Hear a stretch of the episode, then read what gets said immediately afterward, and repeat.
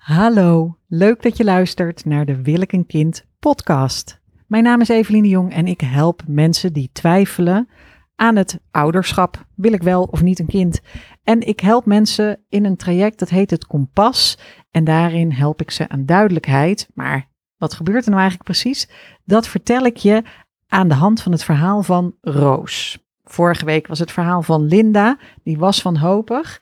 En Roos was uh, ergens ook wanhopig, maar Roos zat in een heel andere situatie. Zij had een relatie met een man en die had al kinderen. Die had hij al toen ze de relatie kregen, daar wist ze van. En hij heeft toen tegen haar gezegd: Ik denk niet dat ik nog een keer aan kinderen zal willen beginnen. Dit moet je weten voordat wij echt iets gaan opbouwen. En toen heeft ze gezegd: Oké, uh, ze was uh, uh, nou, halverwege de dertig. En kinderen stond eigenlijk niet echt op de agenda. En ze dacht, prima, we zien wel waar het schip strandt. Dit is een prettige relatie. Ik voel me goed bij deze man. Dit is eigenlijk de beste relatie die ik tot nu toe gehad heb. We gaan ervoor. Dus ze werd bonusmoeder. Hij had jonge kinderen en de helft van de week waren die kinderen bij hem. En uh, zij hadden hebben lang nog hun, allebei hun eigen huis gehad, maar zij was veel bij hem en zij kwam dus in de rol van bonusmoeder terecht. En dat vond ze verrassend leuk. Ze vond het enig, ze vond het heerlijk om uh, moeder te kunnen zijn. Ze hield ziels, zielsveel van die kinderen. Het, het viel er eigenlijk, um, nou, het viel er meer dan mee. Ze begon zichzelf af te vragen: is dit genoeg?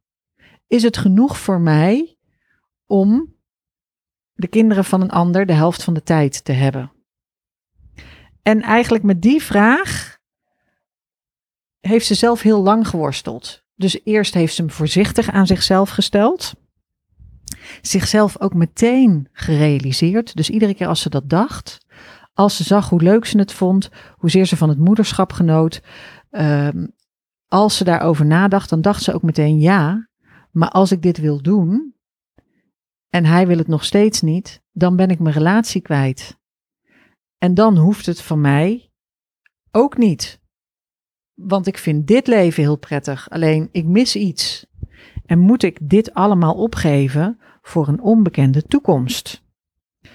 En als ik een kind zou willen en ik heb geen relatie, hoe kom ik dan aan een kind? Dan kom ik alsnog niet aan het gezinsgeluk dat ik nu al heb. Waarom kan ik niet gewoon tevreden zijn met wat ik nu heb? Waarom is, is dit genoeg voor mij of is het niet genoeg voor mij? En wat ze probeerde, wat ze lange tijd probeerde, was tegen zichzelf te zeggen: Ik hoef geen kind van mezelf. Ik ben moeder, ik ben bonusmoeder, ik vind het genoeg. Ik, dit is een cadeautje in mijn leven, dit is oké. Dat veranderde op het moment dat ze 36 werd en dat ze dacht: het komt tussen ons in te staan. Ik kan er ook niet met hem over praten. Het werd een probleem. En um, het lukte er gewoon niet om die gedachte. Dus het begon met een heel klein zaadje. En, en, en ook iets waar ze, waar ze geen aandacht aan wilde geven. Waar ze geen energie in wilde steken. Ze wilde niet dat zaadje ook nog aandacht geven. En een hele fantasie gaan ontwikkelen over laten we zeggen, biologisch moederschap. Maar ze kreeg ook niet meer de deksel terug op de pan. Dus het begon ook zo te borrelen dat ze zichzelf helemaal klem zette. Nou, haar vriend kreeg wel in de gaten dat er een probleem was. Maar die dacht ook: geen slapende honden wakker maken, don't go there.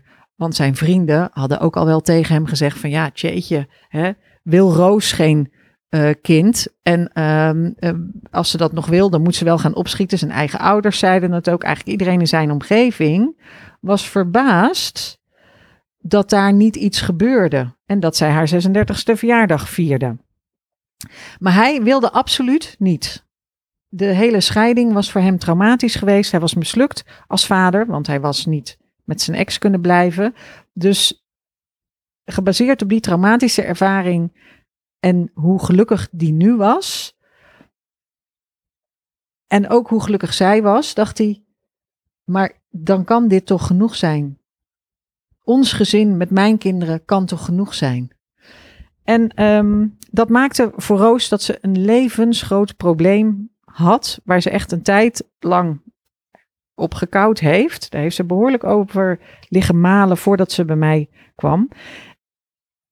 In essentie was het al een probleem om terug te komen op haar eerste besluit. Dus het feit dat ze vrij laconiek aan die relatie was begonnen, dat ze eigenlijk sluipenderwijs bij hem in was getrokken, dat ze in die rol was gevallen van bonusmoeder en dat ze dat hartstikke leuk had gevonden. Dat was allemaal zo gebeurd en eigenlijk had ze te laconiek gereageerd jaren daarvoor toen hij zei: luister, ik heb al kinderen, ik wil ze niet meer. En dat ze toen zei van nou dat maakt niet uit, ik vind deze relatie de moeite waard en laten we kijken, laten we zien waar het schip strandt. Daar was ze ergens nog heel blij mee, maar het maakte ook dat ze niet wilde terugkomen op het besluit. Want het voelt helemaal niet lekker voor jezelf als je, als je op zo'n belangrijke beslissing daarna nog terugkomt. En wat er gebeurt is dat je partner gaat zeggen: Ja, hoe kun je dit nou zeker weten? Wij zijn jaren samen zonder dat je dit wilde. En nou ineens wil je het wel. Ook al voelde die al wel langer dat er iets speelde. Hè, vanaf het moment dat ze het zegt, zijn jullie al jaren samen. En ineens wil ze iets anders. Misschien wil ze wel morgen weer iets anders. En hij wil het niet. Hij is consequent. Hij heeft gezegd: Ik heb kinderen, ik wil er niet nog meer. Heb ik je altijd gezegd: De kinderen zijn nu aan je gehecht. En dat wil je allemaal opgeven voor je weet niet eens wat. Je weet niet waarvoor je het wil opgeven, want het is helemaal niet zeker dat het lukt. En als het lukt, weet je helemaal niet wat het met onze relatie doet. Ehm, en ondertussen werden die kinderen, die waren klein toen zij er kwam, maar die werden ook groter. Dus het leeftijdsverschil werd groter. En haar probleem werd dus ook groter. En zij werd ouder, de tijd begon te krimpen. Dus alles werd eigenlijk zonder dat je er energie in steekt. Dus door eigenlijk te zeggen: Ik wil hier niet mee bezig zijn, don't go there. Denk niet aan de roze olifant. Daardoor zat de hele ruimte propvol met roze olifanten en zij bevond zich in een lose-lose situatie. Want als ze het uitmaakte, dan stond ze op straat zonder de bonuskinderen, zonder het gezinsgeluk wat ze had en ook zonder optie om haar kinderwens nog te verwezenlijken.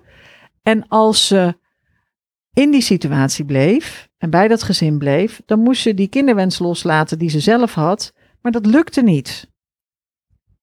Dus daarin draaide ze zich en dat werd het probleem. Als je denkt van nou, ik doe hier gewoon niks aan, dan zal het vanzelf wel weggaan. Je kunt tegenwoordig tot ontzettend, tot op hoge leeftijd nog kinderen krijgen. Dus dan blijft die, die twijfel, die breidt zich uit als een olievlek, die, die wringt zich overal tussen. En uiteindelijk um, ontwricht hij alles. Ze begon ook te twijfelen aan zou ik eigenlijk wel een goede moeder kunnen zijn? Want als je een goede moeder bent, waarom is bonusmoederschap dan niet genoeg? Als je toch als en als bonusmoeder, ik heb daar wel eens een blog over geschreven, zeker als je in een relatie zit met iemand die al kinderen heeft en jij wil ze nog, dan word je een soort heilige op het gebied van bonusmoederschap.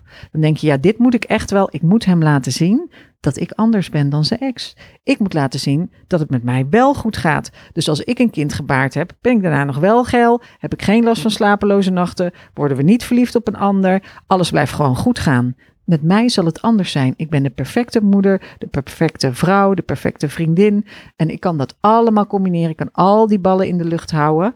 Dus dat bonusmoederschap werd een enorm ding. En tegelijkertijd dacht ze van ja, maar waarom wil ik iets terwijl ik helemaal niet wil dat de situatie verandert? Als hij, hè, dus hij, zijn tekst is eigenlijk, het is toch goed zoals het nu is?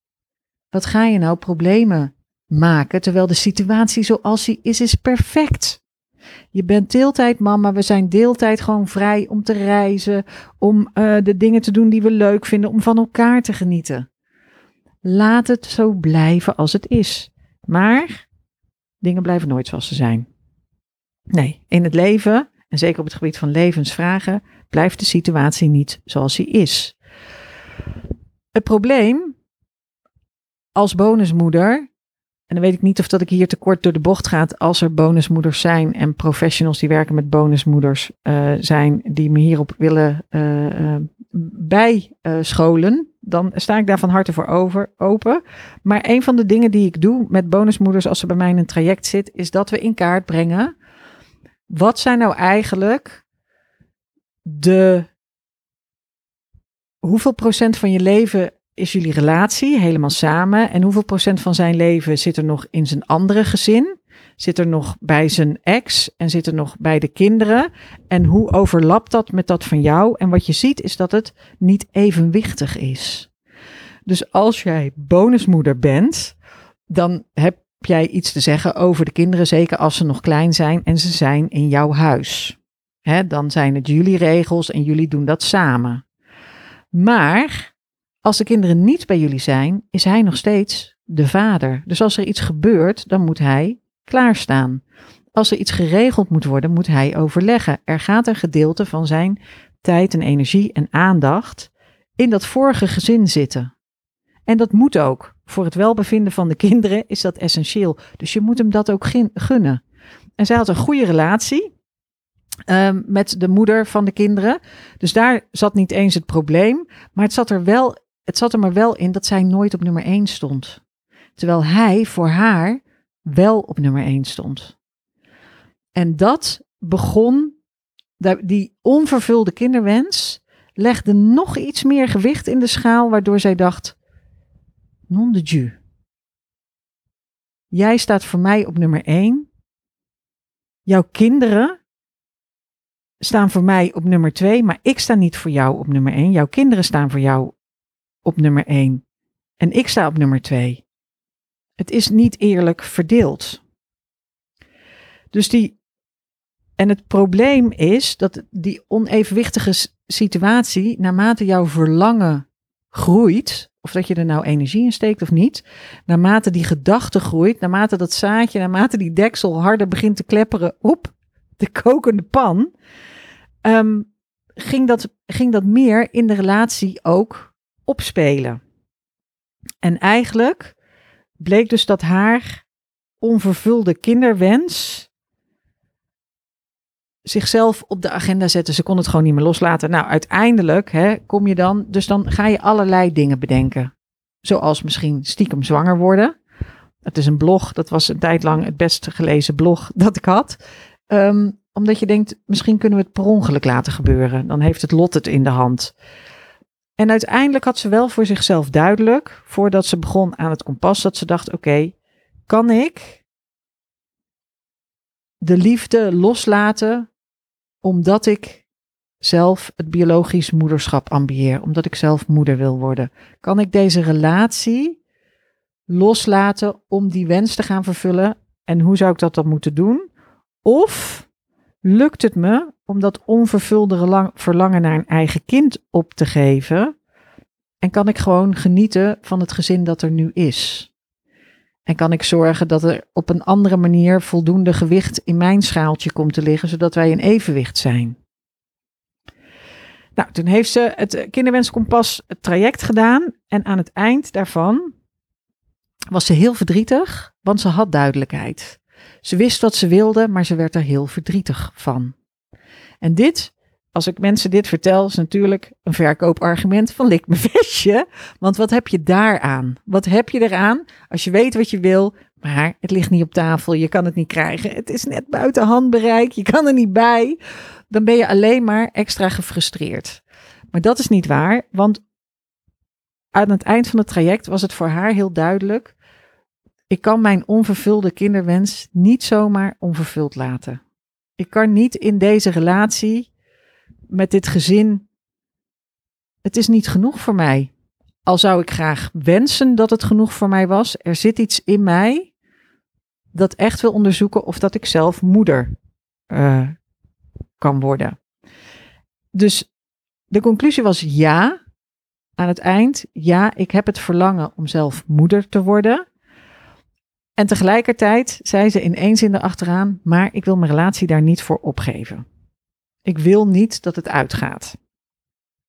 Nou, heeft die relatie natuurlijk zelf ook nog wat in de pap te brokkelen. Uh, of in de melk. Dan wordt het dan pap. Weet ik eigenlijk niet. Gadverdamme brokjes. Um, maar die relatie, de meneer in kwestie, die mag natuurlijk, die vindt hier ook iets van. Die mag hier ook iets over, die heeft hier iets over te zeggen. Dat mag hij, dat doet hij ook. Dus toen ze tegen hem zei, heel verdrietig, uh, en, en dit is al iets hoe je dat vertelt en hoe je dat brengt. En, en dat is niet dat je zegt, jij bent niet belangrijk genoeg voor mij, um, want mijn kinderwens weegt sterker, dus jij moet weg. Dat is niet, dan krijg je niet wat je wil. Wat ze, wat, ze, wat ze uiteindelijk tegen hem gezegd heeft, dat verlangen is er. En ik moet gaan onderzoeken op welke manier ik dat vormgeef. En als ik daar aan dat onderzoek bezig ben, dan kom ik achter meer dingen. Dus ik ga acties ondernemen. En naarmate ik meer acties onderneem, zal ik erachter komen of dat ik um, dat echt ga verwezenlijken. Of dat ik mijn verlangen toch opgeef om bij jou te blijven. In ieder geval ben ik nu verder dan wat ik in het begin deed, niet willen wat ik eigenlijk wilde. Nu weet ik wat ik wil. Ik heb duidelijkheid, ik heb een fundament en daarmee ga ik aan de slag. Die relatie die zei: Jij wil een kind van jezelf in de plaats van dat je tevreden bent met mijn gezin? Nee. Nee. Nee. Nee, ik wil dit niet. Dat was de eerste reactie. Vijf keer nee. um, en dat is een terechte eerste reactie. En daarna heb je even tijd nodig. Dus wat je doet als je gesprekken hierover hebt, is dat je een reeks van gesprekken voert. En die gesprekken die had ze voor het kompas niet kunnen voeren, omdat zij steeds heel emotioneel was en omdat ze zelf onzeker was over wat ze nou precies wilde. Maar nu ze die zekerheid en die duidelijkheid had, kon ze tegen hem zeggen: Ik wil bij elkaar blijven en van jou dit mogen onderzoeken. Ik weet nog helemaal niet wat de uitkomst is, maar het verlangen zit er, ik moet daar iets mee. En ik vraag van jou ruimte om dat te doen. Zijn tweede reactie was non de jus. Non de jus. Het plusgezin gaat kapot. Als ik je nu uit de, de deur uitschop. En misschien, misschien is er nog een sprakje hoop. Hè? Misschien, misschien kom je gedurende je onderzoek er wel achter dat het toch niet zaligmakend is. Of dat je toch genoeg hebt aan deze kinderen. Of misschien lukt het wel niet met op, op welke manier je dat dan ook wil gaan vormgeven. Maar wat er gebeurde in het tweede gesprek was dat hij besefte: Motherfucker, ik kan dus niet behouden wat ik heb. Voordat ze het kinderwenskompas deed, gingen de gesprekken erover. Eigenlijk over wat zij te verliezen had. Maar nu, in de reeks van gesprekken die daarna volgden, was eerst incasseren dat zij toch een kind wilde, terwijl hij altijd al had gezegd: Ik wil dit niet en ik ga het niet doen. Daarna zich realiseerde: Oké, dit is niet van de een op de andere dag gebeurd.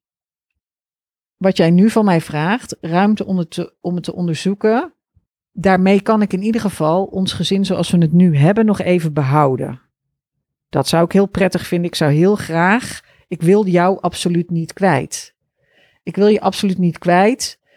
En ik kan niet van je vragen. Jij, jij kan ook niet zomaar je kinderwens voor mij opgeven. Dat is ook niet een optie.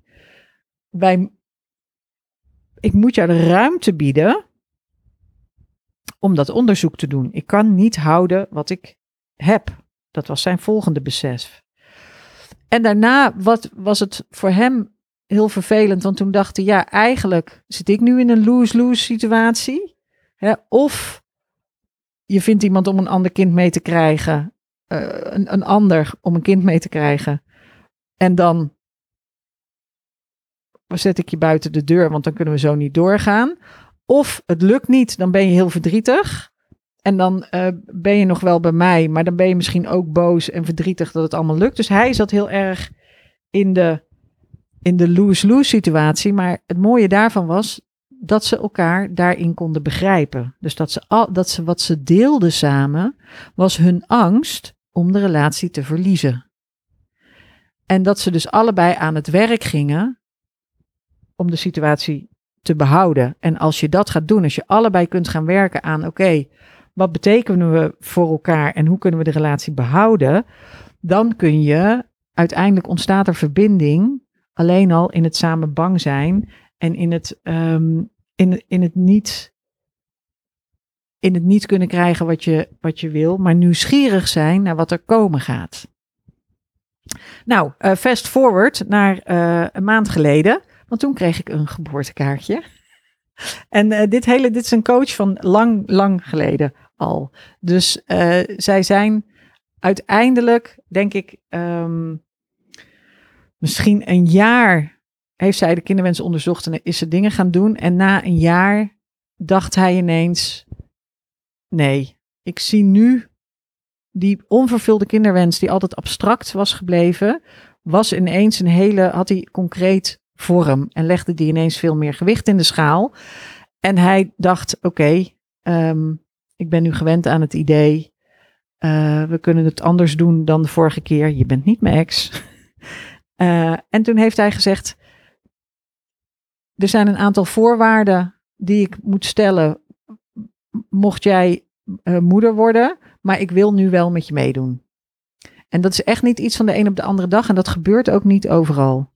Ik heb ook mannen meegemaakt die absoluut zeiden van nee, het gaat niet gebeuren en als je erover begint, dan ren ik gillend weg en verander ik het slot.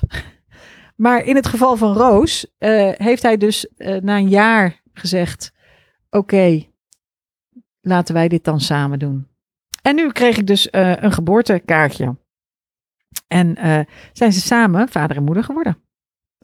En zijn de bonuskindjes dus halfbroertjes en zusjes geworden. Nou, dit is toch een sprookje. dit is toch een sprookje. Ik verkoop mijn eigen verhaal altijd als sprookje. En ik vind mijn eigen verhaal ook nog steeds een sprookje. Um, omdat ik ook zo bezig was met die kinderwens vormgeven, terwijl mijn vriend niet wilde. En uh, eerst nee zei. En toen een jaar later zei, nou vooruit, ik doe wel mee. Omdat ik denk, en dat vind ik nog steeds een hele romantische zin. Omdat ik denk dat als het misgaat tussen ons, dat wij dan toch nog goed met elkaar overweg zullen kunnen. En eigenlijk is dat als je samen aan kinderen begint of gaat proberen om aan een kind te beginnen, dan is dat, dan moet je samen goed overweg kunnen, ook als het misgaat. Nou, wil je ook op weg naar sprookje? Meld je aan bij willekekind.nl. Geef je op voor de nieuwsbrief, dan weet je wanneer er wat komt. Tot de volgende podcast.